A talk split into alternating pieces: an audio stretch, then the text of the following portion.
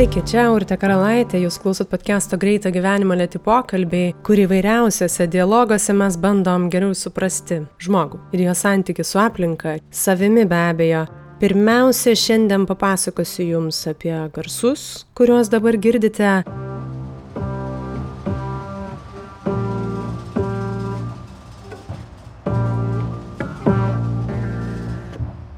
Tai kas kart epizoduose pristatau po naują man įdomų Lietuvos muzikos kurėją. Taip tikiuosi supažindinti ir jūs su gal dar neatrastais garsais, o be to kartu su remėjais simboliškai ir prisidėsim prie pandemijos metu tikrai stipriai apriboto dabar muzikos pasaulio kuriejų. Tai šį kartą girdite visišką ekskluzyvą, viešumą pasieksianti dar tik tai kovo penktą dieną ir tai yra kūrinys iš naujo Pijaus Džiugo Meižio albumo Delsa kurį visą nuo premjeros dienos jau rasit Spotify, o riboto tiražo kasetę kolekcionieriai galės griebti Bandcamp platformai. Nėra čia kas liepti, jau esu sakiusi, kad pašnekovus renkuosi visiškai subjektyviai, asmeniškai, tai ne kitaip yra ir su muzika, be abejo. Man Pijus yra šiuo metu tikrai įdomiausias Lietuvos muzikos kuriejas. Paskutinį jo albumą klausydavau rytais ir vakarais kaip kokią maldą ir iš tiesų visą jau atmintinai išmokau, nors ten nei vieno žodžio ir jokio teksto nėra, bet garsus tikrai galėčiau turbūt ir atniuniuoti, turbūt susukau bent pusę perklausus Spotify. Tai kol dabar jam kaista ausis, aš kviečiu jūs nepabijoti, gal kiek naujų, netiek pažįstamų garsų, išdrysti išlipti iš savo įprastų pasaulių, vien tam, kad patirtumėt kažką naujo, galbūt šį kartą ir su pijaus muzika. Daugiau išgirsit epizodo pabaigoje arba audio platformose, tik dar neužsiliuliuokit, nes šiandien kalbuosi su Vilniaus universiteto profesoriumi egzistencinės psichoterapijos terapeutu ir šios krypties krypties vienu iš pradininkų Lietuvoje Rimantų Kočiūnų. Būtent ši kryptis man pasirodė įdomi tuo, kad ieškodama prieimo prie žmogaus ji stipriai remiasi egzistencinę ir fenomenologinę filosofiją. Ir taip įneria žymiai giliau ir nežiūri į žmogų kaip į atskirą kažkokį tai vienetą, o kaip į būti pasaulyje, kas man labai gražus e, toks suvokimas pasirodė.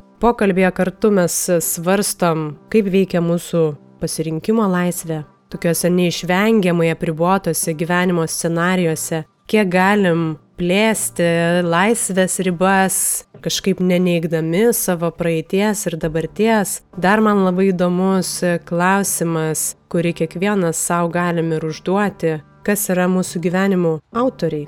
Nepamirškim, kad šituos nuoseklius ir e, gilyn neriančius pokalbius, leidžiančius vis artimiau susipažinti su savimi, mums dovanoja podcast'o draugai ir remėjai. Šį kartą prie Patreon draugų prisijungia Lijana Jakovlevna Siukhina, Aldis Adomavičius ir Guoda Sakalauskenė. Jei norit prie pokalbių kūrimo simboliškai prisidėti ir jūs, tai galit padaryti patreon.com pasvirasis brūkšnys lėti pokalbiai. Podcast'o kūrimą taip pat dalinai finansuoja spaudos, radio ir televizijos remimo fondas, Benedikto Gilio fondas ir Žygimantas Skvarčevskis.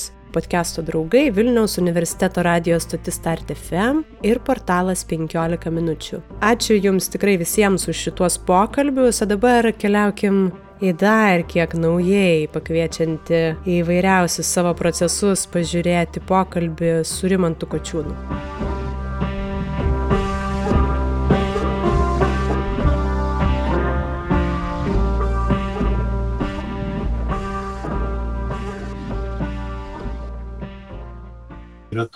Gražus pasakymas apie dialogą ir tikras dialogas yra tada, kai pokalbio kryptį nustato abu dalyviai, tai yra kaip jis rutuliuojasi savaime. Taip, tai čia ir klausimo ir klausimosi faktorius, tai tą aš irgi stengiuosi. Man truputį sunkiau yra vat nuotoliniu būdu, bet tai dar vienas iššūkis mums šiandien, kaip tą dialogą tęsti pradėsiu gal tada jau nuo jūsų, taip, egzistencinės psichoterapijos pasirinktos būtent tos krypties ir jūs Lietuvoje būtent šiai sričiai tikrai daug darbo ir pastangų puoselėti tam įdėjote. Ir man labai įdomus būtent šitos psichoterapijos krypties momentas yra tai, kad jūs patikslinsite, bet kaip aš suprantu, kad būtent egzistencinė tyrinėja ne koks žmogus kaip asmenybė, kaip individas yra ir kas ten jo viduje dabar vyksta, bet būtent kaip jis veikia santykyje su pasauliu ir kitais. Ir dar tas labai gražus išsireiškimas - būtis pasaulyje apsako daug. Tai ką toks prieimas platesnis, žymiai platesnis, suteikia ir atveria. Taip, e, jūs e, ganėtinai trumpai ir tiksliai apibrėžėt, ką žvelgia egzistencinė terapija. Egzistencinė terapija pirmiausiai fokusuota į klausimą, kaip šitas konkretus žmogus gyvena. Tai labai žinoma didelis klausimas, bet e, kita vertus, kalbantis su konkrečiu žmogum, jis e, suvyra į eilę konkretesnių klausimų, todėl kad e, visa tai, ką mes pasiekėme, kuo džiaugiamės, na, lygiai taip pat visa tai, dėl ko mes kenčiame ir kokias problemas ar sunkumus sukūrėme, visa tai vyksta gyvenimo procese, tokia gyvenimo tikmėje. Va štai kalbėdami apie sunkumus, kuriuos atsineša klientai į terapiją, na tai ir mėginame padėti susigaudyti pats terapeutas mėgina pirmiausiai susigaudyti, padėti klientui labiau susigaudyti, kaip jie atsirado, šitie sunkumai atsirado jam gyvenant, jo gyvenimo procese, ką jis ten darė, ko nedarė. Jokios abejonės santykiai yra labai svarbus, tai yra santykių kontekstas, bet nesvarbiausias yra mūsų gyvenime. Jeigu labai trumpai, tai vat apie vaikščiojimą su tokiu prožektorium po tuos gyvenimo laukus, gyvenimo kambarius, užkabarius ir panašiai, kurių nemaža dalis būna užrakinta, o nuo kai kurių raktai pamesti. O užrakinta, ką jūs turite omeny, kas ten stabdo? Nu, dar psichoanalitikai yra e, kalbėję, kad e, pas žmogų yra daug ką užrakinti. Tai yra daugelis e, sunkių patirčių, ypač vaikystės, trauminių išgyvenimų ir taip toliau, su kuriais tas nuolatinis susidūrimas yra nemalonus bet jis, bet tos patirtys ir išgyvenimai, jie kaip taisyklė niekur neprapuola, jie yra mumyse. Jeigu jie tiesiog būtų buvę ir praėję, tai gal čia nereikėtų jų ieškoti, bet e, reikalas tame, kad jie kaip ir praėję, kaip ir buvę, bet e, tebe išliekantis gyvi. Ne ta praeitis, kuri praėjo. Na tai, kad jie būtų kažkaip e, netokie mums kliudanti gyventi, kažkaip tai gerai jaustis gyvenime, na tai reikia aptikti tas patirtis. Nesinori gal taip tiesiogiai lyginti su kažkuria kita terapija, bet e, ypač pastaruoju metu gal populiarėja į veiksmą, į elgesio keitimą orientuotos terapijos, kurios būtent žiūri į dabar, į žmogaus kažkokį tai poelgį, pasirinkimą ir kaip jį keisti.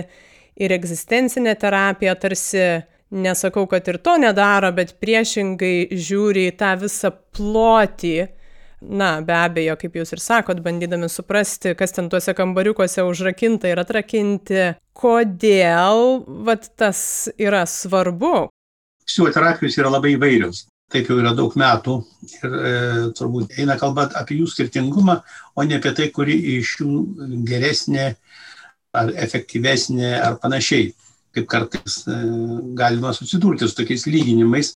Tiesiog žmogus yra nu, itin sudėtingas ir prieštaringas fenomenas ir jį galima žvelgti labai įvairiais rakursais ir mėginti kažkaip atliepti jo sunkumams ir problemams irgi labai įvairiais būdais.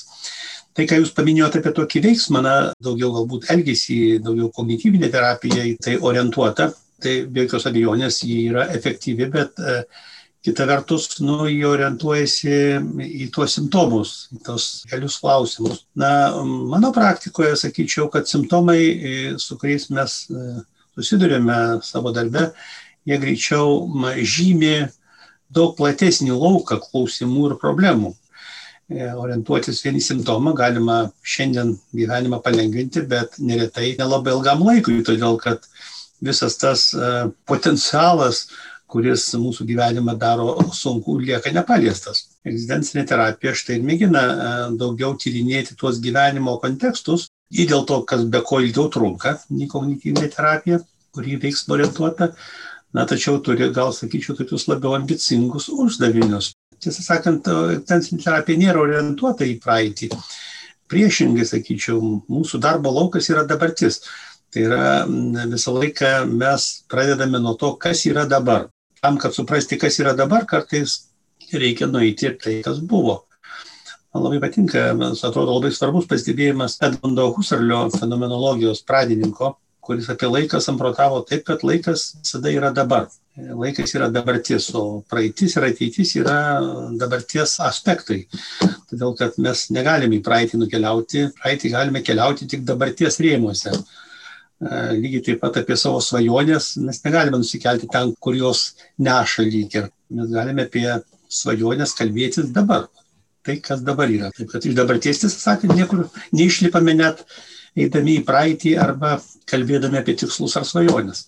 Grįžtu prie žmogaus ir asmenybės savokos.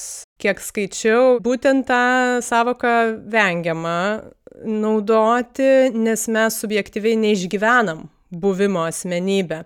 Tai čia gal įdomu pažiūrėti, kaip tuomet egzistencialistai mato individą, tą jo paskirumą, unikalumą, ypač šio laikiniai visuomeniai, apie ką daug kalbama ir kiek žmogus iš tiesų tada turi galimybę, laisvę kurti save.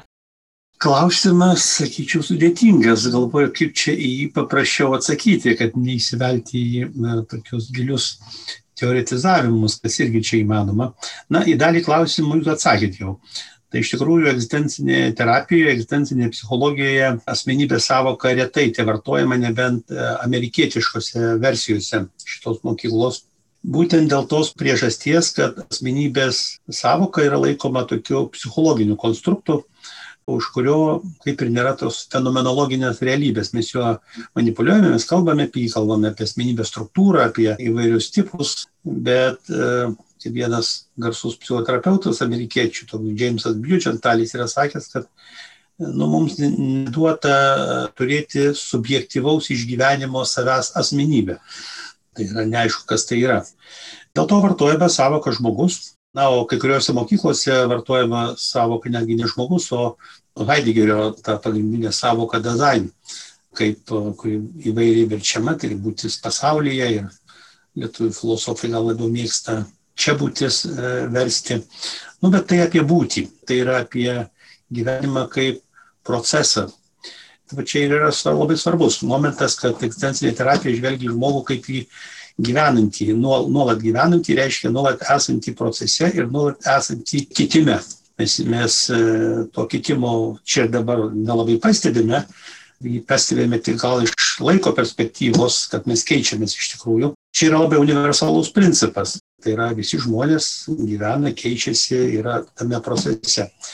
Nu, kita vertus, kiekvienas mes turime savo kažkokį individualų gyvenimo profilį, kiekvienas savaip kūrėme savo gyvenimą, kiekvienas turime skirtingą istoriją, skirtingus istorinius kontekstus, kuriuos, va, tą, kaip Heideggeris sakytų, įmestis pasaulin. Tai yra va, tas įmesties sąlygas. Nu, vienas mes atsiradome kažkur, kažkokioje vietoje, pas kažkokius tėvus. Na ir tai kuria, kuria tam tikrą bazę mūsų tolimesniai raidai gyvenimui. Nu, ir tai jau mus daro e, skirtingais. Viena vertus, mes nuolat keičiamės, bet jeigu savęs neduok dievę suvoktumėm tame kitime nuolatinėme, tai turbūt negalėtume šito pakelti ir ištverti. Dėl to, tiesą sakant, mes jaučiamės pakankamai fiksuotos būtybės, kiekvienas žmogus skirtingas ir fiksuotas. Tai yra, nu, fiksuotas ta prasme, kad aš ryte atsikėlęs aptinku save tokį patį, kokiu vakar uh, nuėjau miegoti. Tai yra, nesijaučiu kitokiu žmogum es, esantis.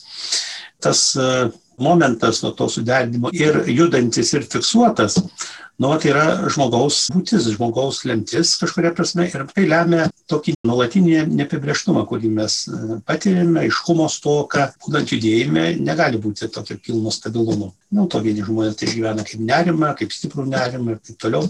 Kiek mėginau aš čia papasakoti, kaip terapija žmogų supranta. Kalbant apie kiekvieną konkretų žmogų klientą, kuris ateina, tai mes ir mėginame pažvelgti, kaip jis e, juda, kaip, kaip save mato tame judėjime, ar kaip apskritai save mato judantį ir besikeičiantį, dažnai mato visai nesikeičiantį ir, ir tai irgi bėda yra, kai žmogus kažkur įklimpęs ar sustingęs taip išgyvena bent savo gyvenimą. Čia daug labai klausimų kyla, nes įdomu ir tai, ką jūs sakot, kad mato save nesikeičianti Tai čia iš karto klausimas, o kiek objektivus tas matymas yra, nes iš šalies galbūt tas kismas kažkoks, kaip jūs ir minėjote, tai vyksta ne per naktį, tai turbūt labai kažkokie nuoseklus lėti, per dešimtmetį kažkokie dalykai gal keičiasi ir žmogus iš savo prizmės gal ir nemato objektyviai uh, savo pokyčio. Visą sakant, e, klausimas, ar iš jūsų mes galime ką nors objektyviai matyti. Nu, tai, ką vadiname objektyviai, ką reiškia objektyviai. E, jeigu mes sakysime objektyviai, reiškia kažkas turi žinoti, kaip yra iš tikrųjų. Tai yra, kaip yra objektyviai. O kas tas galėtų būti, kuris galėtų pretenduoti į tokį matymą. Man atrodo, kad keblu, na, jeigu tikime į Dievą, gal galime Dievui deleguoti šitą reikalą. Bet iš tikrųjų mes visada ir save, ir kitus uh, matome tik subjektyviai, tik tai per save.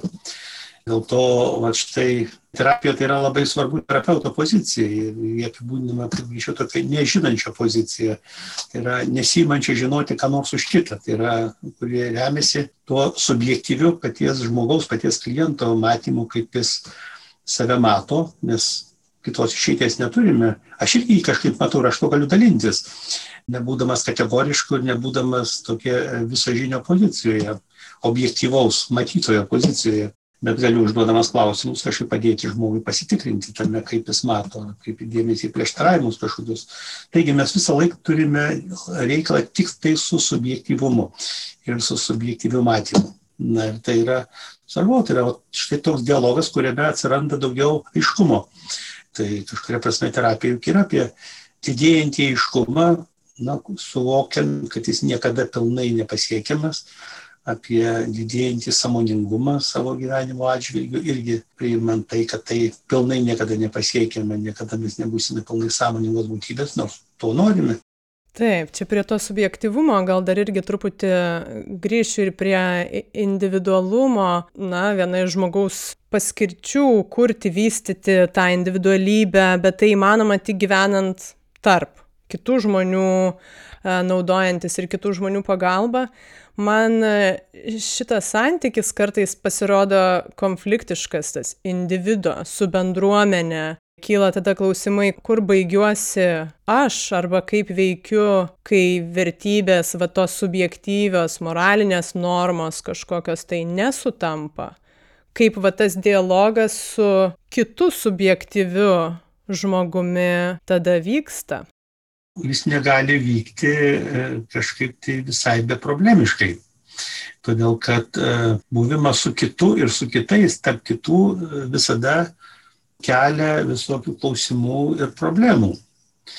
Sartras, e, nu, Sartro pozicijos daugeliu klausimų yra ganėtinai radikalius. Na tai jis e, viena iš piesių savo yra sakęs, kad kiti tai yra pragaras.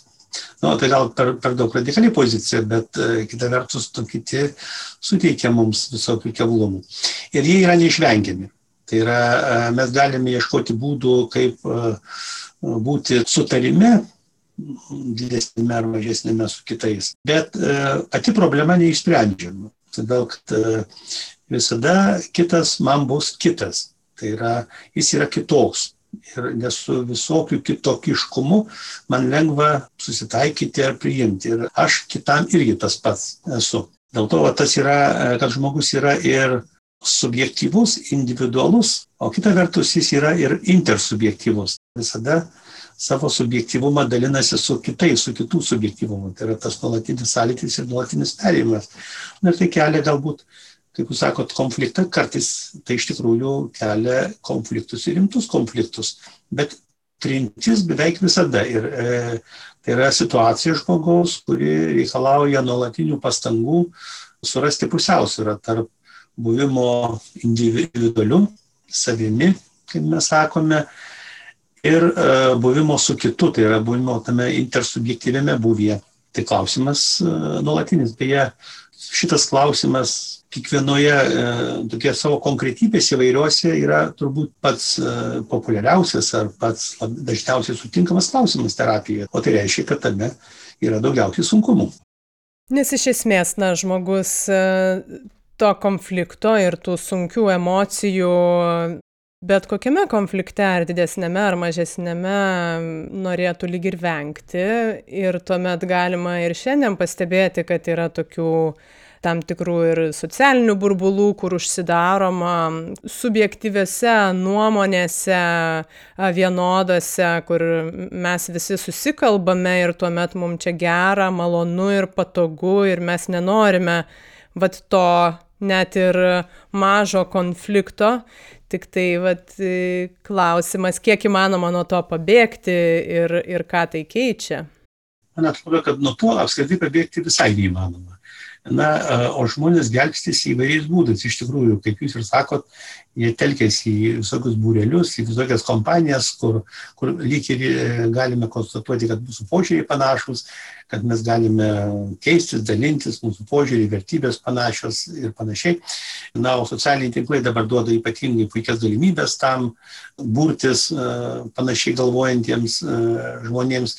Na, tai atrodo suteikia tokio lyg ir saugumo iliuziją, tai kad aš esu tarp bendraminčių ir su bendraminčiais galiu bendrauti.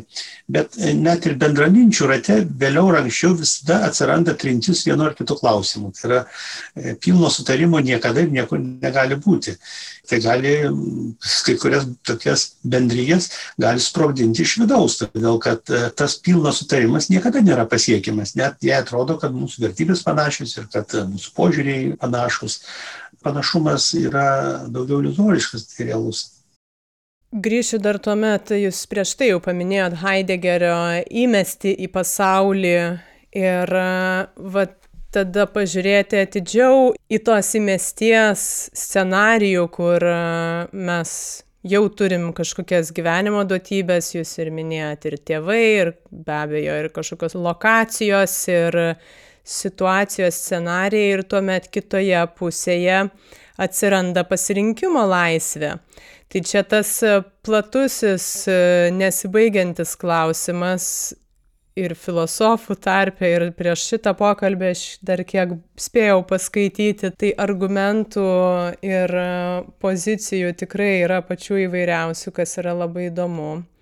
Tai būtų smalsu išgirsti, kaip jūs ir egzistencinė psichoterapija tuomet tą mato, kiek tos laisvės mes savo gyvenimuose turime rinktis, valdyti savo žingsnius, keistis?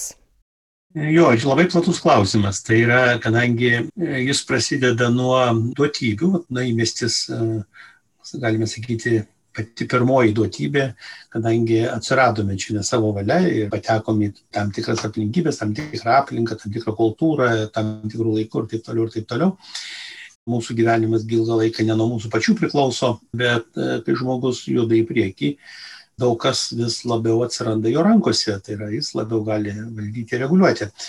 Nepaisant to, kad kažkur yra duotybė ir duotybės primestos aplinkybės ir sąlygos, augdamas žmogus e, įgauna vis daugiau laisvės. Nu, pirmiausiai laisvės kažką kurti, o kita laisvės turėti vienokią ar kitokią poziciją, vienokią ar kitokį požiūrį į tai, kas yra duota, kame aš esu ribotas. Galima šią prasme sakyti, kad laisvė yra visada. Ir Sartras sakė, žmogus yra fundamentaliai neginčiamai laisvas. Tai yra e, sakyti žmogus, ta patu sakyti laisvas žmogus.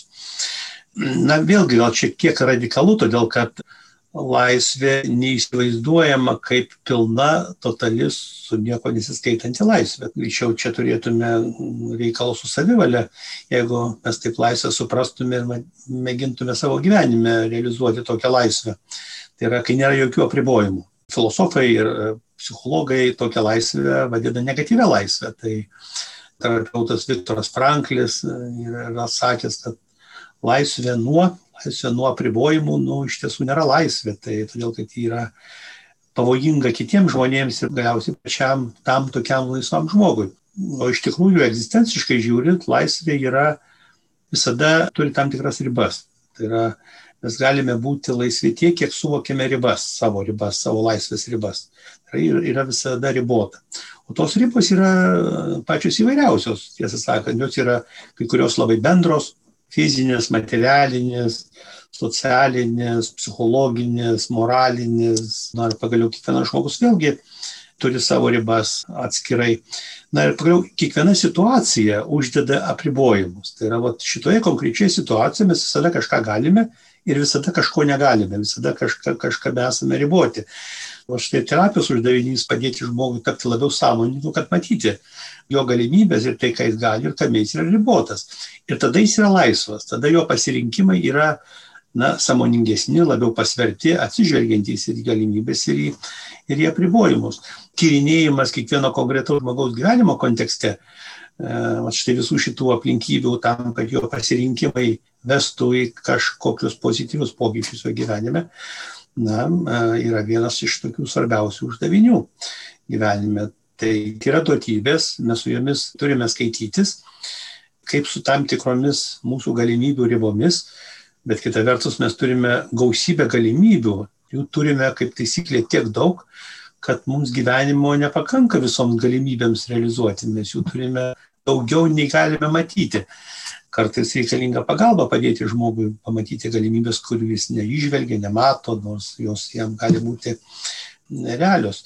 Na, pagaliau mes kalbam apie tokią esmišką laisvę, tai yra, kai žmogus nelabai ką gali pakeisti savo situacijoje, pakeisti E, savo gyvenime, na, sakysime, žmogus, kuris serga lyga, sunkia lyga, nepagydoma lyga, nu, kuri jo gyvenimą priboja.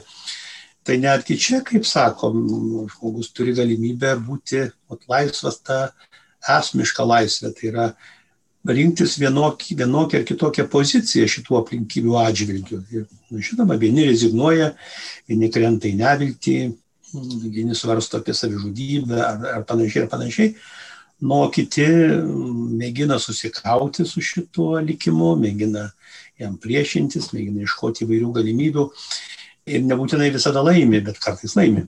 Susidūrimas štai su tokiais žmonėmis gal netoks dažnas terapijoje, kurie ieško pagalbos vat, kovoti su savo likimu. Tai reiškia mėginti būti laisvi ten, kur atrodo, kokia čia laisvė ir koks čia pasirinkimas na, iš tikrųjų, tai galbūt yra tokia aukščiausia žmogaus būties išraiška. Čia labai e, šitas svarbus taškas, aš tikrai norėjau e, paliesti. Įdomu pagalvoti apie tą sunkųjį scenarijų, turint omeny, kad taip, tai likimas yra tie duoti apribojimai ir, ir jis negali būti paneigtas, jūs minit kažkokią tai ir, ir lygą galbūt, ar tai negalę. Ir čia mes galim pasirinkti atsaką į tai, bet atsako pagrindas galbūt irgi yra tos duotybės, kurios gal irgi nekeičiamos. Tai čia vat norisi pažiūrėti ir, ir jūsų minėto Franklio aprašytas ir koncentracijos stovyklos ir kitų baisių scenarijų, kuriuos žmonės tikrai ne savo norų papuola, kad ten jie tarsi gali rinktis, kaip žiūrėti į tą situaciją, kaip ten elgtis. Bet uh, tai irgi kažkas uh, lemia tą požiūrį, tą nusiteikimą, tuos skirtumus. Ar visi žmonės galėtų pažiūrėti tik šviesiai? Be abejo, mes matom, kad ne. Ar galima pagalvoti, kad visgi mes visi skirtingai su savo skirtingomis duotybėmis ir turime skirtingai pažiūrėti, kad tarsi dalis žmonių ir turi pasiduoti, o kiti, turėdami kitokias duotybės, kovos ir prieš tas nepagydomas lygas ir, ir nepasiduos. Sunku galbūt vienareikšmiškai tą klausimą atsakyti. Tai, kad žmonės skirtingai reaguoja būdami štai tokiuose kraštutinėse gyvenimo aplinkybėse. Sunku pasakyti, kiek tai yra nulemta iš anksto. Galima galbūt kalbėti, kad tam tikra istorija, tam tikros patirtys, tam tikri kontekstai prieš tai buvusių gyvenimo gali lemti vienokį ar kitokį jo atsaką. Bet aš nenorėčiau teikti ką nors absoliučiai, todėl kad kartais žmogus atskleidžia savyje tas galimybės, tik tose situacijose, į kurias jis patenka. O kitoliai atrodo, kad jis to negali ir ano negali ir šitaip negali. Pati situacija kažkaip tai žmoguje atskleidžia tai, ko jis nematė ir ko net neįsivaizdavo turys. Iš tikrųjų, kad tų žmonių, kurie priima savo likimą ir tokiu būdu mėgina padaryti jam įtaką kažkokią savo įtaką, greičiau per savo vidinę laisvę, na, sutikčiau, kad tokių žmonių gal yra mažiau nei daugiau. Jeigu būtų atvirkščiai, tai matyt, gerų gyvenimo istorijų būtų nepalyginamai daugiau nei, nei mes turime. Sudėtingas uždavinys yra, kaip Ragdis yra labai gražiai apie tai kalbėjęs, kad reikalas yra klausimo pakeitime, klausimo, kurį užduodame savo pakeitime. Nes pirmas klausimas, kurį daugelis žmonių savo užduoda patekį į, na, jis ten minėjo šito konclagerio kontekstą, bet manau, kad tai yra daug plačiau galima pritaikyti. Tai pirmas klausimas, kurį užduoda, tai yra, kodėl man taip atsitiko, kodėl man taip atsitiko, kas kaltas, tas kaltų ieškojimas, atsakingų ieškojimas, tas uždavimas tokio nu, klausimui, kurį niekas negali atsakyti. Tai yra pats beviltiškiausias būdas klausti. Jis atima jėgas ir niekas jam negali duoti atsakymų. Štai kodėl susipykstama net su Dievu, ne tai, kad su kažkuo tai. Franklis yra kalbėjęs, kad e, štai yra kitas būdas klausti. Na štai va aš esu tokioje situacijoje, e, kurios nepasirinkau. Ir galėčiau savęs klausti, ką aš galėčiau šitoje situacijoje. Aš nežinau, ką galėčiau, savęs klausiu, ką aš galėčiau. Tai yra klausimas nukreiptas į kažkokias galimybės, kuriuo aš nematau galbūt dabar. Tai yra į kažkokį ieškojimą. Tai yra klausimas apie viltį, apie gyvenimą tiesą sakant, pereiti nuo vieno klausimo prie kito, va štai formuluojant labai paprasta atrodytų. Tačiau uh, žmogaus viduje tas perėjimas trunka labai ilgai, jeigu įvyksta tas lėtas judėjimas, aš esu dirbęs, būdamas tokiu pradedančiu psichologu praktikoje su neįgaliais žmonėmis nemažai ir kurių pozicija, nu, iš tikrųjų yra va, tokia klausinti ir besitikinti, kad kažkas e, juos gelbės, padės, ten taip toliau ir taip toliau, nes jie patys nieko negali ir medicina kalta, ir gydytojai kalti, kurie negali gydyti tų lygų. Tai yra veda į tokį pasyvumą ir paralyžių. Na, o tas mėginimas, o ką aš galėčiau, būdamas tokioje padėtyje, tai tikrai esu susidūręs su labai geromis istorijomis, bet e, judėjimas nuo vieno klausimo į kitą trunka 2-3 metus ir, ir ilgiau, kol žmogus pasijunta irgi galintis, būdamas neįgalus, atrodytų. Ir visai nemažai galintis. Taigi, va, tas, ta vidinė pozicija, vidinė laisvė nukuria aplinkybės nu, rinkimuisi. Ir tai rodo, kad mes esame dažnai daug laisvesni, nei galime įsivaizduoti, nei kartais mums atrodo. Nors esame riboti, kad be ko. Taip, ir jūs čia paminit galimybės, tai Kirkegoras kaip ir sutapatina laisvę su galimybėmis. Pirmiausia, norėti rinktis veikti, ką jūs čia irgi išplečiat, kas ir sudaro tą prielaidą kažkokiam keitimuisi. Kas plačiau gali tą prielaidą sudaryti na, jūs minite dabar psichoterapiją, bet turbūt tai, tai nėra vienintelis būdas, kai žmogus e, nejaučia tos laisvės ir galimybės rinktis, ar tai e, negalios atveju, ar, ar kitų kažkokiu tai situacijos įkaitų tapęs. Ir kiek čia galbūt ir, ir visuomenė, bendruomenė, kiti žmonės gali padėti tą prielaidą kurti tai galimybei, laisviai. Tikrai, psichoterapija čia yra kraštutinis e, atvejis, sakyčiau, nesu šalininkas požiūriu, kad visi turėtų perėti per psichoterapiją, kad taptų samoningesniais. Yra daug būdų atidžiau žiūrėti į savo gyvenimą ir labiau kažką matyti. Ir skaitant, ir domintis, ir galvojant, mastant, svarstant apie savį ir savo gyvenimą, užsimant tokią savirefleksiją, saviugdos būdai ir taip toliau ir taip toliau. Daug yra būdų pačiam mėginti kažkaip padėti. Na ir kiti gali būti labai svarbus, jeigu jie nemoko, nepatarinėja, o kažkaip dalyvauja, vad kuria tą dialogą, dalyvauja tame kalbėjimėsi su, su kitu žmogum. Bet ta, ta, kad tie kiti net kartais labai artimi žmonės neturi laiko. Tai yra jie užimti savo bėgimu ir žmogui reikia kapstyti savo pastangomis galbūt ne visada, bet kliauti savimi visada, man atrodo, yra svarbu. Kitų pagalba, kitų palaikymas irgi yra labai svarbus, bet jis neišgelbės, jeigu žmogus pats nebus labiau dėmesingas savo. Čia, vat, galvojant apie tą santykį su kitais, ir jūs paminėjot ir, ir negalę, ir aš irgi nemažai esu susidūrus su žmonėmis turinčiais negalę, ir, ir kitų žmonių santykis e, čia tampa svarbus, e, galvojant, kad e, ta aplinka gali ateiti ir, ir dar kartą pakartoti, žiūrėk, tu tikrai nieko negali, arba priešingai, tam tikrose situacijose nepadėti galbūt, kad ir ciniškai atrodytų, bet sakyti, žiūrėk, tu tikrai gali pats. Tas skirtumas didžiulis yra iš aplinkos. Taip, iš tikrųjų, čia yra, tam, turi būti tam tikra dinamika, tam tikras švelnus perėjimas. Juk negali iš karto žmogui, kuris e, jaučiasi negalys ir na, daug ko negali iš tikrųjų sakyti, kad tu gali pats. Tik pamėgink ir tau išeis. Kita vertus, gal jam reikia padėti ir labai konkrečiai padėti e, kitam žmogui kažką už jį padaryti ir dalyvauti aktyviai galbūt jo gyvenime. Bet po truputėlį, nu, kaip ir kreipiant į tą pusę, kad kažką gali ir jis, o štai tą gali, galbūt ir šitą gali, dar, dar kažką gali, tai yra po truputėlį kaip ir atsitraukiant, tai yra tas laipsniškas toks perėjimas E, turi būti, kad padėti suvokti žmogui, kad iš tikrųjų jis kažką pamėgina ir kažkas jam gaudasi. Nu, kaip reabilitacijos procese dažnai būna po kažkokių sunkių traumų, sunkių sužeidimų. Tai yra po truputėlį kažkoks vienas judesys, kitas judesys, na, reikalas po truputėlį išjuda, jeigu tas žmogus deda pastangas, savo pastangas. Tai yra galima pasilikti invalido vežimėlėje, tačiau galima, tiesą sakant, ten nesidurti, tam tikras pastangas. Tai perėjimas turi būti palaipsnis, švelnus perėjimas, o ne va, toks staigus nukirtimas. Kas iš to, kad mes apeliuosime, kad žmogus gali. Čia yra lozungas. O kiekvienas konkretus žmogus na, turi savo tempą ir savo judėjimą.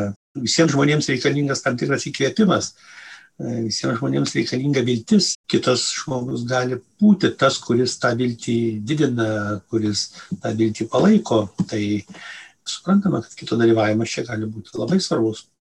Ir čia apie lūkesčius galima irgi pagalvoti ir, ir kitose situacijose, kad um, net ir įtikėjimas, kad aš galiu ir, ir bandymas uh, viską apriepti ir, ir daryti gali atvesti į aklavietės ar nusivylimus, kad va štai visgi ne kad tų realistiškų kažkokių tai lūkesčių susiformulavimas irgi nubrėžia tokią sveiką ribą, na, kad ta laisvė vėl grįžtant yra apribota ir mes turim tą ribą kažkaip įsisamoninti, kad negalim mes, na, vėlgi prie negalės grįžtant staiga iš kažkokios tai nepakeičiamos negalios šokti į, į nežinau, šokėjų gretas Tai va tos realistiško lūkesčio vaidmuo, kad nenukirsti ir negražinti į tą nulinį tašką žmogaus vėl.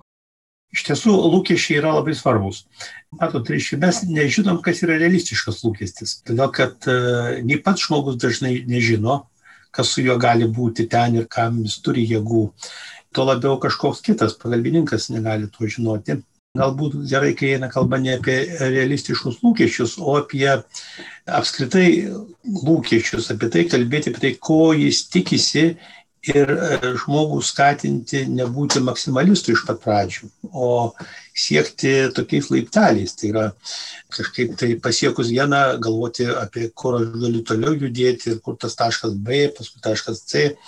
Man atrodo, kad šitai yra labai svarbu, todėl kad jeigu kažkokį užsibriežti lūkestį labai konkretų ir e, ne, nežinia, ar jis gali būti išpildytas, tai galiausiai laikas eina, prie jo nepavyksta priartėti, nu, gali apimti nusivylimas, ateiti idėja, kad tiesą sakant, tai turbūt nepasiekiama ir tai tragedija, katastrofa ir panašiai. Dėl to terapijoje, kai ateina nauji žmonės, tai mes kalbame apie lūkesčius ir kalbame ne apie tai, ką jis ten galiausiai norėtų pasiekti. Žinoma, kodėlgi ne, svajonė visada galima pasidalinti. Bet labai svarbu į tai atliepti, kad e, mes nežinome, ar, ar mes tai pasieksime.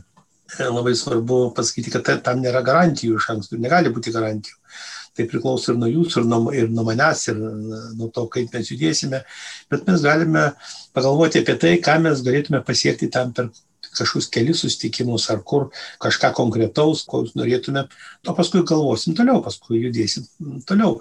Tad man atrodo, tas yra labai svarbu. Ir jūs paminėjote tikėjimą. Tikėjimas yra esminis dalykas. Tikėjimas, kad e, aš galiu, tikėjimas, kad man pavyks. Be šito mes periname į tą objektivumo erdvę.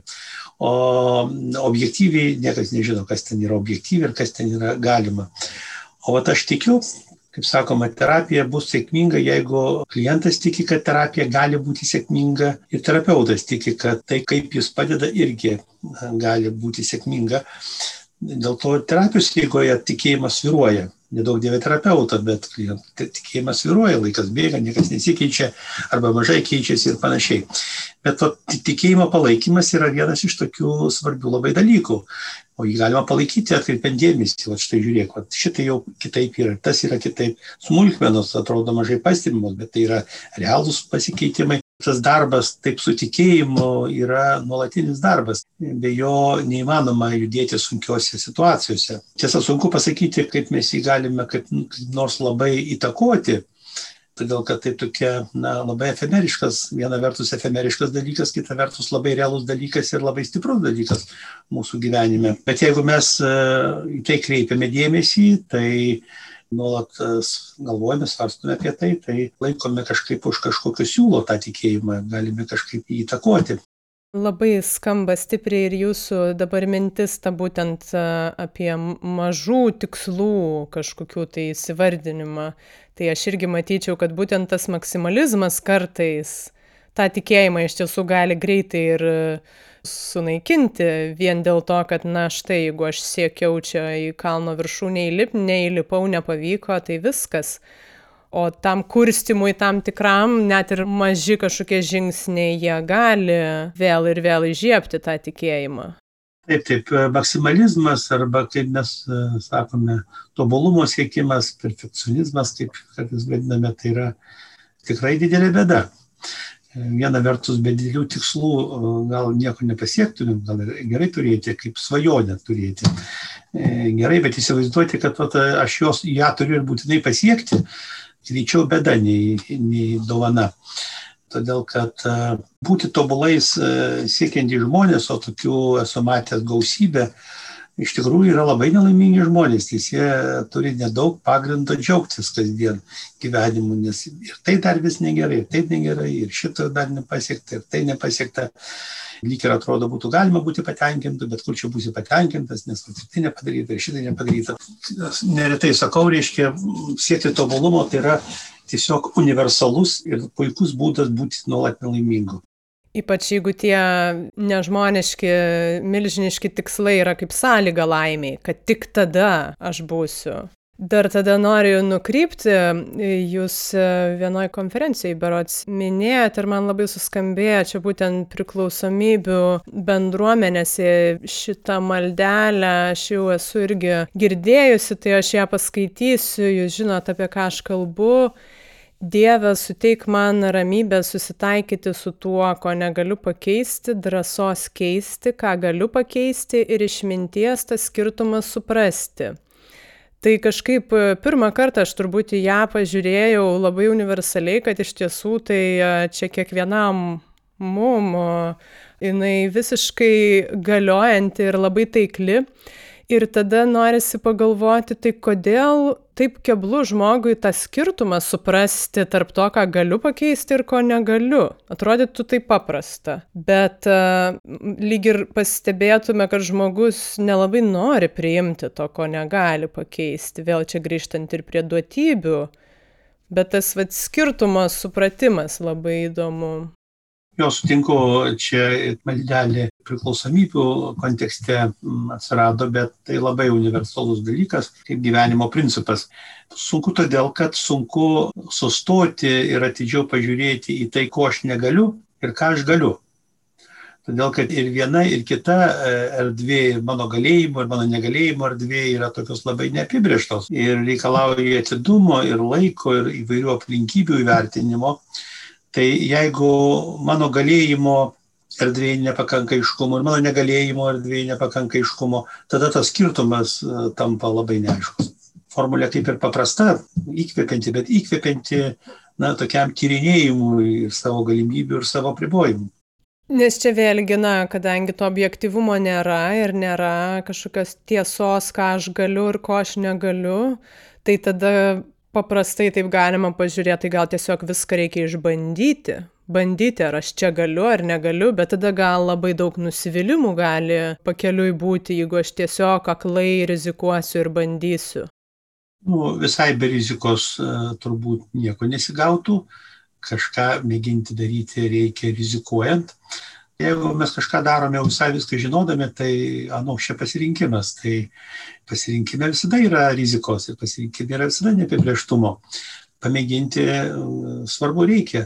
Gal sakyčiau, svarbu sustoti laiku, suvokiant, kad e, čia ne tas takelis ir greičiausiai jis nieko neneša. Gal kažką kit, kitko būtų galima pamėginti.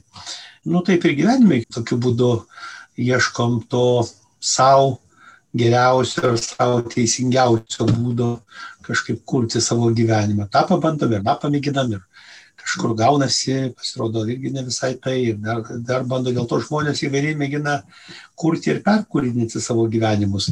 Tie, kurie kažką bando, rizikuoja ir net jei ir ne, ne tai gauna, ne visada tai gauna, ko norėtųsi ar ko tikisi, vis tiek jie turi šansų uh, surasti tą aukso gyslą savo gyvenime tai yra savo kažkokį gyvenimą patenkinantį. Bet, kaip minėjau, yra daug žmonių, kurie įkrenta į santykius kažkokius tai, į kažkokią situaciją, į darbą ar panašiai ir, uh, ir nieko nekeičia. Tai yra jaučiasi įstrigę, nepatenkinti, tačiau nu, baisu, baisu kur nors iš čia pajudėti, todėl kad neaišku, kas laukia. Tai yra nuolatinis noras būti apsidraudusiu, būti tikram, kad jeigu aš kažką darysiu kitaip, tai man ir bus geriau, o kasgi gali šitai pasakyti.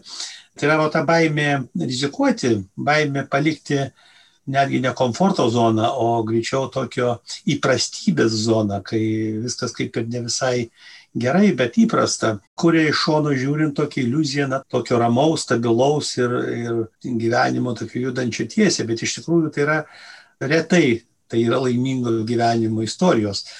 Ir iš jo visas tas kažkur viduje užspaustas. Dėl to neramus gyvenimas turi savo privalumų. Nes jis gali kažkur nuvesti, ar ne, čia vėl prie tų bandymų ir pasitikrinimų. Tai gal čia norisi truputį grįžti va šitam scenarijui prie duotybių, nes taip, yra vat, tikrai žmonės, kurie pakliuvo į, į gyvenimo scenarijų su kažkokiais santykiais, su kažkokiu tai darbu, veikla ir yra labai nepatenkinti, gal net to garsiai neįvardina, bet jaučia ir nepajuda ir per visą gyvenimą iš to taško. Be abejo, nėra turbūt vienareikšmiško atsakymo, bet galvojant vėlgi apie tas duotybės, su kuriomis mes, na, per gyvenimą atėjom iki šito jau scenarijaus, kodėl vieni žmonės tada pasirenka ir, ir imasi tos rizikos, o kiti vat lieka visgi toj įprastumo zonoje. Ar tai įmanoma pakeisti to žmogaus, kuris linkęs būtų komfortabiliai likti pasyviu? Ar galima tą jo polinkį keisti? Pirmiausia, žmonės, žinoma, skirtingi yra e, nerimo toleravimo e, laipsnių. Tai tie, kurie nerimo įtampos netoleruoja, tai žinoma, jie renkasi e, labiau stabilų gyvenimą, kad ne visai patenkinantį, o net labai nepatenkinantį, todėl kad na, jie nepatenkinti gyvenimu, bet pokyčiai gali atnešti dar didesnių bėdų, kaip jie galvoja. Na, yra žmonės, kurie labiau tolerantiški nerimui ir, ir, ir linkia priimti kainą pokyčių. Pokyčiai visada turi kainą. Ir jeigu jūs kažką darot e, to, ko anksčiau nedarėt, visada tai kelia nerimą ir kažkokia įtampa kelia, ta nežinia. Tai įtampa ir nerimas ir pastangos turi, tai yra kaina, kurią mes mokame. Jeigu sutinkame ją mokėti, tai judame į priekį. O pakeisti tame galima, nemažai pakeisti galime, atrasti kažkokių būdų, gauti spyrį užpakalį ir pajudėti, arba kažkokia situacija, kuri nepalieka pasirinkimo, kaip tik kažką keisti, nieko kito nebelieka. Arba žmogus ilgai svarstydamas gali prieiti kažkokios išvados, nu ir gali pradėti judėti. Bet vėlgi čia variantų, kokiu tik norite yra. Tai vieni pajuda ir juda ir priima kainą ir kažką keičia gyvenimą, kiti pajuda šiek tiek ir sako, ne, ne, ne, ne, ne, ne, čia per daug brangu. Nieko konkretaus nepaminėjau per tą mūsų kalbėjimąsi, noriu tokį vieną pavyzdį vat, apie, apie tai paminėti. Prieš kiek laiko mes baigėm darbą su tokia moterim, tai 40 metų, kurie atėjo į terapiją su labai neapibrieštų klausimų ar užsakymų terapijai, kad ji norėtų pasijausti gyva, nes e, tokia ji buvo prieš kelius mėnesius, tam prieš kelius mėnesius pas ją buvo tokia kebli situacija gyvenime, tada kurį laiką buvo gyva ir paskui vėl apmirė. Situacija buvo tokia, kad ji ten dirbo labai intensyviai, užėmė vadovaujančias pareigas, tie prie vienoje kompanijoje grįždavo vėlai į namus, nu, šeimai nebuvo labai daug laiko, jį darė karjerą ir taip toliau, ir taip toliau. Na ir paskui staiga aptiko, kad e, vyras jau susitikinėjo su kita moterimi. Tai buvo toks smūgis e, į paširdžius, jį ten pasišnekėjo labai, sukėlė ten audrą didžiulę, reiškia, vyras sako, tavęs namuose nėra niekada. Ji paliko tą darbą, išėjo iš darbo, susirado paprastesnį daug darbą, buvo labai gyva, jautėsi atkovojusi vyrą, reiškia, ir taip toliau, kažkaip tai savo gyvenimą pagyvenusi. Bet praėjo keli mėnesiai ir jį vėl kažkaip tai pradėjo mirti po truputėlį na, kai mes atkalbėjomės apie tai, tai pasirodo, nu, kad tiesą sakant, nu, ta audra, tai audra, bet gyvenime nieko iš esmės nepasikeitė. Tai yra jų santykiuose su vyru niekas nepasikeitė dėl to, nu, tą konfliktą aštrų jie kažkaip išsprendė, bet iš esmės, nu, atskirtis išliko tarpusavį. Ir, tik dabar tą daug labiau viską pradėjo matyti, kadangi namuose daug daugiau būna. Vis toliau kalbantis, aiškiai, kad iš tikrųjų jis supranta, ką reikėtų daryti. Supranta, kad jų santoka yra tokia visai iširusi iš visų pusių. Bet vat ryštis žingsniui kažkokiam tai mm, radikaliam, kuris padėtų suprasti, ar verta jiems gyventi kartu ar ne, nu negali ryštis. Tiesą sakant, mes išsiskyrėme vat jos tame pakibime. Sako, aš supratau, kad mano gyvumas man labai brangiai kainuoja, aš nežinau, ar pasiruošusi tą kainą mokėti. Kol kas ne. Nu, kol kas ne, tai ne. Tai yra, e, rezultatas yra tas, kad jį daug ką pamatė, kas iš tikrųjų vyksta jos gyvenime ir pamatė, ką jį galėtų daryti ir kiek tai kainuoja. Tai irgi rezultatas. Tai va, čia apie tos pokyčius, jie būna trokštami, bet ne visada paprastai juos realizuoti.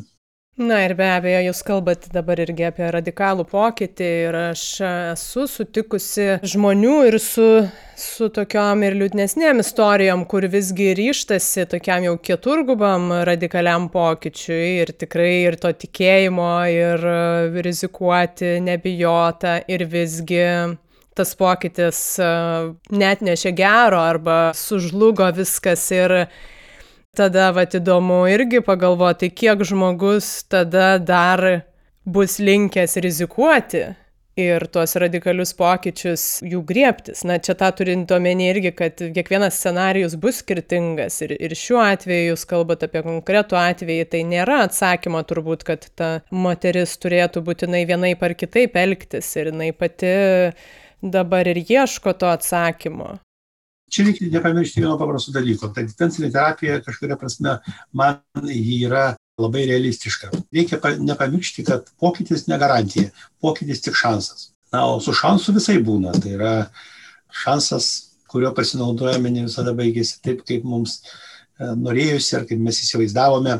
Ir iš tikrųjų vėlgi iškilo klausimas, ar mėginti lopyti tas skylės plyšius, kurie atsirado gyvenime dėl dėl to pamėginimo, nesėkmingo pamėginimo. Vieni šiek tiek pailsi ir juda toliau, kiti ilgam, sakant, apsikasa, bijo kur nors uh, judėti. Na suprantama, tai ir gyvenimo scenarijai tada visai kitokie. Tai yra todėl, kad žmogus laisvas yra. Laisvas yra judėti į priekį, laisvas stovėti vietoje, laisvas judėti atgal, laisvas rinktis, bet lygiai taip pat nesirinkti, kaip yra Sartras sakė, nesirinkimas irgi pasirinkimas, nu, pasirinkimas nesirinkti. Taigi mes laisvi viskam ir kažkam pozityviam, kažkam kuriančiam ir kažkam destruktyvaus. Trumpai dar tada paliesiu čia tuomet atsakomybės klausimą, nes toj diskusijoje apie, na, determinuotumą ir mūsų likimą ir apspręstis jau kažkokių tai scenarijų, jūs dabar ką kalbat irgi, kad tai yra pasirinkimai, ar tai imtis radikalaus pokyčio, ar, ar visgi nesijimti žmogui visgi padarant kažkokių klaidų, tą atsakomybę kažkaip nebūtinai norisi prisimti savo. Galbūt čia galima irgi tokią prielaidą daryti, kad determinizmo tokio jau kraštutinio šalininkų galbūt irgi dėl to labai daug, nes žmogus norėtų iš tiesų atsakomybės nuo savęs nusimesti. Aš netgi skaičiau apie advokatą, kuris e, dirbo su daugybė žiaurių nusikaltelių ir, ir visus juos e, bandydavo ir pasiekdavo, išteisindavo tuo motivuodamas, kad, na, tom duotybėmis, kad jie taip atėjo iki šito žingsnio, nepasirinko. Nu, egzistencinių požiūrį, sakyčiau, tai pigus triukas. Žmogus, žinoma, yra duotybės, yra aplinkybės įvairios, kai žmogus ateina, bet nereikia pamiršti, kad galiausiai žmogus už savo gyvenimą pats atsakingas ir už savo pasirinkimus pats atsakingas. Kierkegoras yra labai gražiai sakęs, kad iš pradžių gyvenimo pamatus stato kiti, ten tėvai, seneliai ir taip toliau. Ir, ir sienas pradeda statyti gyvenimo namo kiti. Atrodytų, jie ir uh, turėtų būti atsakingi, jeigu ne, ne tos pamatus išlėjo. Bet daro tokia paradoksalią išvadą ir man atrodo labai teisinga išvada, kad galiausiai reikia vis daugiau ir daugiau perimti šito namo statybą pačiam, rūpintis jie. Ir galiausiai namas kažkoks yra, koks jis ten bebūtų, su kokiais pamatais bebūtų, bet vat yra namas, tas namas mano yra ir aš už jį esu pilnai atsakingas, nepaisant bendrautorių. Aš esu jų autorius, aš galiu perstatyti, galiu ten kažką daryti, o kažko negaliu daryti galbūt bet e, namas mano ir viskas, aš už jį atsakingas. Ir šia prasme aš su Kierkegaru šitoje vietoje visiškai sutinku. Mėginti kažkaip tai aiškinti, kad ten kažkas pamatus netai pastatė, ar siena kažkokia kreiva iš pat pradžių buvo, na tai reiškia atsisakyti autorystės. Nu, tai tada reiškia, tai kieno gyvenimas galiausiai, mano ar, ar ten tėvų, ar dar kieno nors, ar tėtų nu, mano gyvenimas. Tai šia prasme, e, iš tikrųjų atsakomybė tai yra laisvės problema viena didžiausių. Nu, sakoma, kad laisvė ir atsakomybė kaip e, dvi vienos monetos pusės. Tai yra, e, negali būti atsakomybės be laisvės ir laisvės be atsakomybės. Na, o prisimti atsakomybę iš tikrųjų nelengva, laisvų būti norisi, bet nieko nemokant už tai o atsakomybė yra ta kaina, kurią mes mokame, reiškia, prisimame pasiekmes už pasirinkimą, už savo laisvumą, už e, pasiekmes, kurios tam būna ir taip toliau. Tai vėlgi startą aš dažnai minėjau, man e, jo, kad ir radikalius idėjos, bet tokios e, skamba gerai. Jis yra sakęs, kad būti atsakingu reiškia pripažinti savo autorystę, pasakyti, kad aš esu autorius. Reiškia būti atsakingu už, už gyvenimą, už poelgius, už tas anas situacijas. Reiškia pasakyti savo, kad aš esu jų autorius tiesą sakant, daugelis žmonių labai mėgsta kažkaip permesti daug bendrautoriams. Tai yra, kad ten yra ir tie kalti, ir tie kalti, nu, tėvai yra universaliai kalti, suprantama, kad jie to yra nuo nedavė, netaip mylėjo ir panašiai. Šituma bendrautoriai yra mūsų gyvenime visada, mes neaugam, negyvenam kažkokioje izoliuotoje erdvėje, bet mano gyvenimas yra mano gyvenimas. Tai va tai sunku prisimti tą e, autorystę yra keblus uždavinys. Tai dažnai dėl to patenkam į tokią keblę dileminę situaciją, kaip mokytis būti atsakingu, už ką atsakingu, kiek atsakingu. Čia vienas iš didžiausių terapijos žmonių. Tas pats Frankas be minėjo, kad logoterapija tai yra apie atsakomybę, nu, apie mokymasi prisimti atsakomybę už savo gyvenimą. Tai yra tokia neatskiriama laisvės dalis. Tai atsakomybė už kažkokius pasiekimus ir gerus darbus nesudėtinga tikrai prisimti niekam, bet uh, už tai, ką galbūt padarėme ne, ne taip jau gerai ar savo, ar, ar kitam, žmogus tiesiog nenori pripažinti, kad jisai yra to, to gero ir blogo konfliktas, kad manyje yra blogo. Čia didžiausia problema, didžiausias klausimas uh, pamėginti vat, kažkaip tai surasti savyje tą, už ką aš atsakau ir, ir kas yra mano, mano dalis. Nu, pavyzdžiui, vat, santykiai, nu, poros santykiai. Nu, suprantama, kad ten nėra vieno žmogaus, kuris atsakingas už tai, kas tuose santykiuose vyksta. E, du žmonės kuria santykius, kažkas gaunasi, kažkas e, nesigauna. Bet kai ateina į terapiją kalbėti apie tai, tai dažniausiai mes girdime pasakojimą apie tai, koks tas kitas žmogus, ten vyras ar žmona bebūtų, koks jis nekoks, koks jis ten blogas ir ką jis ten blogai daro ir panašiai ir panašiai. Išklausyti galima, svarbu, bet kalbėti apie tai nėra didelės prasmės, todėl kad su tuo kitu mes čia nieko daryti negalime, nu, jis yra toli ir e, mums nepasiekiamas. Tai mano klausimas tada būna, reiškia, o tai kur čia jūsų dalis, kadangi tik apie tą dalį mes čia galim kalbėtis. Toje dalyje galim kažką keisti ir kažką daryti. Kokią dalį jūs pripažįstat kaip savo dalį? kaip mėginimas nu kažkokią atsakomybės erdvę apibriežti, kurioje mes galime tada svarstyti galimybės kažkokias. Tai. Ir tai pasirodo tikrai labai sunku, todėl kad e, prisimti kažkokią autorystę, nu, kažkaip labai nesinori. Dėl to žmonės yra įgūdę e, įvairiuose aiškinimuose, pasiteisinimuose, pateisinimuose, tai yra retas tokių įgūdžių neturi. Visai pabaigai.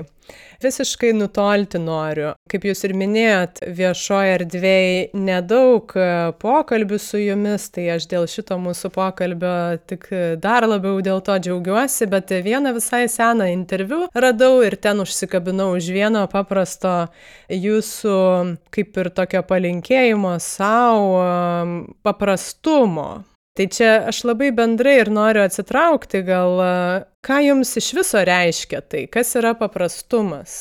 Galima labai ilgai atsakinėti, nepaprastai tada bus, arba trumpai. Paprastumas reiškia pirmiausiai kažkoks gebėjimas išvelgti esmę, paskesti smulkiuose dalykuose, mėginant apie tą esmę kažką pasakyti. Kalbėti trumpai ir mažai. Kalbant trumpai ir mažai, sunku būti sudėtingu. Tai man atrodo, kad šiandien mes tokį puikų derinį, kažkiek ir giliau, ir plačiau, bet ir e, kuo paprasčiau ir, ir prie esmės tikrai prisilietėm. Tai ačiū Jums, e, paprastumo, kiek tik tai Jums dar jo norisi, dėkui Jums už mintis.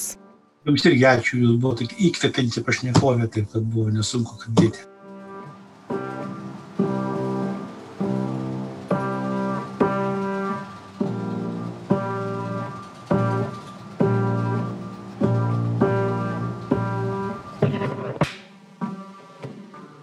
Ačiū, kad dar kartą buvot kartu. Pokalbiuose tikrai dažnai paliečiam klausimus, kurie mano pačios e, minčių paviršiuje pluduriuoja, bet kažkaip neranda grinumo. Ir jų aptarimas su kitu žmogumi dažniausiai ir tampa tuo įžodinimu ir tokiu nusileidimu į realybę. Tai šitam pokalbį man labai svarbus tapo įvardinimas, kad samoningėdami, augdami visom prasmėm be abejo, pilnai perimam tą savo gyvenimo vairą ir tuo pačiu atsakomybę už jį tuomet tikriausiai galim laisvai veikti su praeities sąlygom ir ateities galimybėm, kažkaip bandydami sąmoningai suvokti, kas be abejo nėra lengva, ką galime keisti, o ko vis tik tai ne. Nors ir tuose rėmose, kaip ir aptariam pokalbėje, dar galima tikrai bandyti tas ribas stumdyti, bet e, tikriausiai svarbu ir pajusti, kada jau laikas atsitraukti ir galbūt judėti kitą kryptimį pratesiant e, kertinius egzistencinės terapijos klausimus, podcast'o draugai, filosofinių knygų leidikla, Pi knygos anksčiau dar buvo žinomi kaip Jonas ir Jokūbas rekomenduoja jums susipažinti su nekart ir šitam pokalbį minėto egzistenciniai terapijai ypač svarbaus filosofo, egzistencialisto Sioreno Kirkegoro knyga Nerimo savoka. Ši Danijos aukso amžiai kūrusio filosofo knyga, parašyta dar 1844 metais, yra pati pirmoji filosofinė nerimo studija. Be to, joje taip pat aptariama ir nuodėmė, tokia brutalia jėga besibraunanti į savęs nelabai pažįstančio žmogaus pasaulį. Tai norintis dar labiau įsigilinti ir į pokalbėje užkabintus klausimus, galit pratesti pažinti su egzistencialistų požiūrį į pasaulį ir žmogų knygoje Nerimo savoka, kurią visą kovo mėnesį galite įsigyti 30 procentų pigiau su kodu nuodėmė. Knygą rasit nerimosavoka.lt. Beje, vien tam, kad atsiverstum šitą knygą, teks patirti šiek tiek nerimo ir padaryti tokią vieną mažą nuodėmę.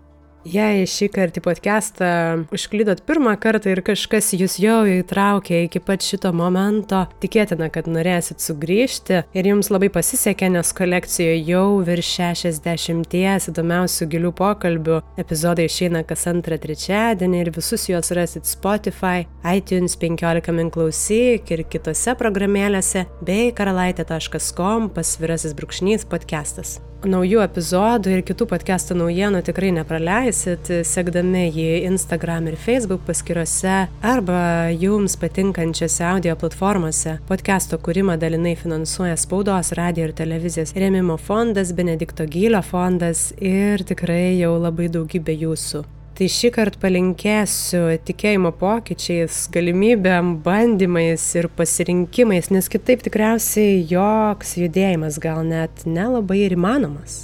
Su jumis buvo podcastas Greito gyvenimo lėti pokalbiai. Aš, Urte Karalaitė, taip pat kartu šiandien buvo psichoterapeutas Rimantas Kačiūnas, o dabar jūs paliekam tokio smalsiai nerimastingo Pijaus džiugo meižio kūrinio Sapijan bangose. Iki kitų kartų.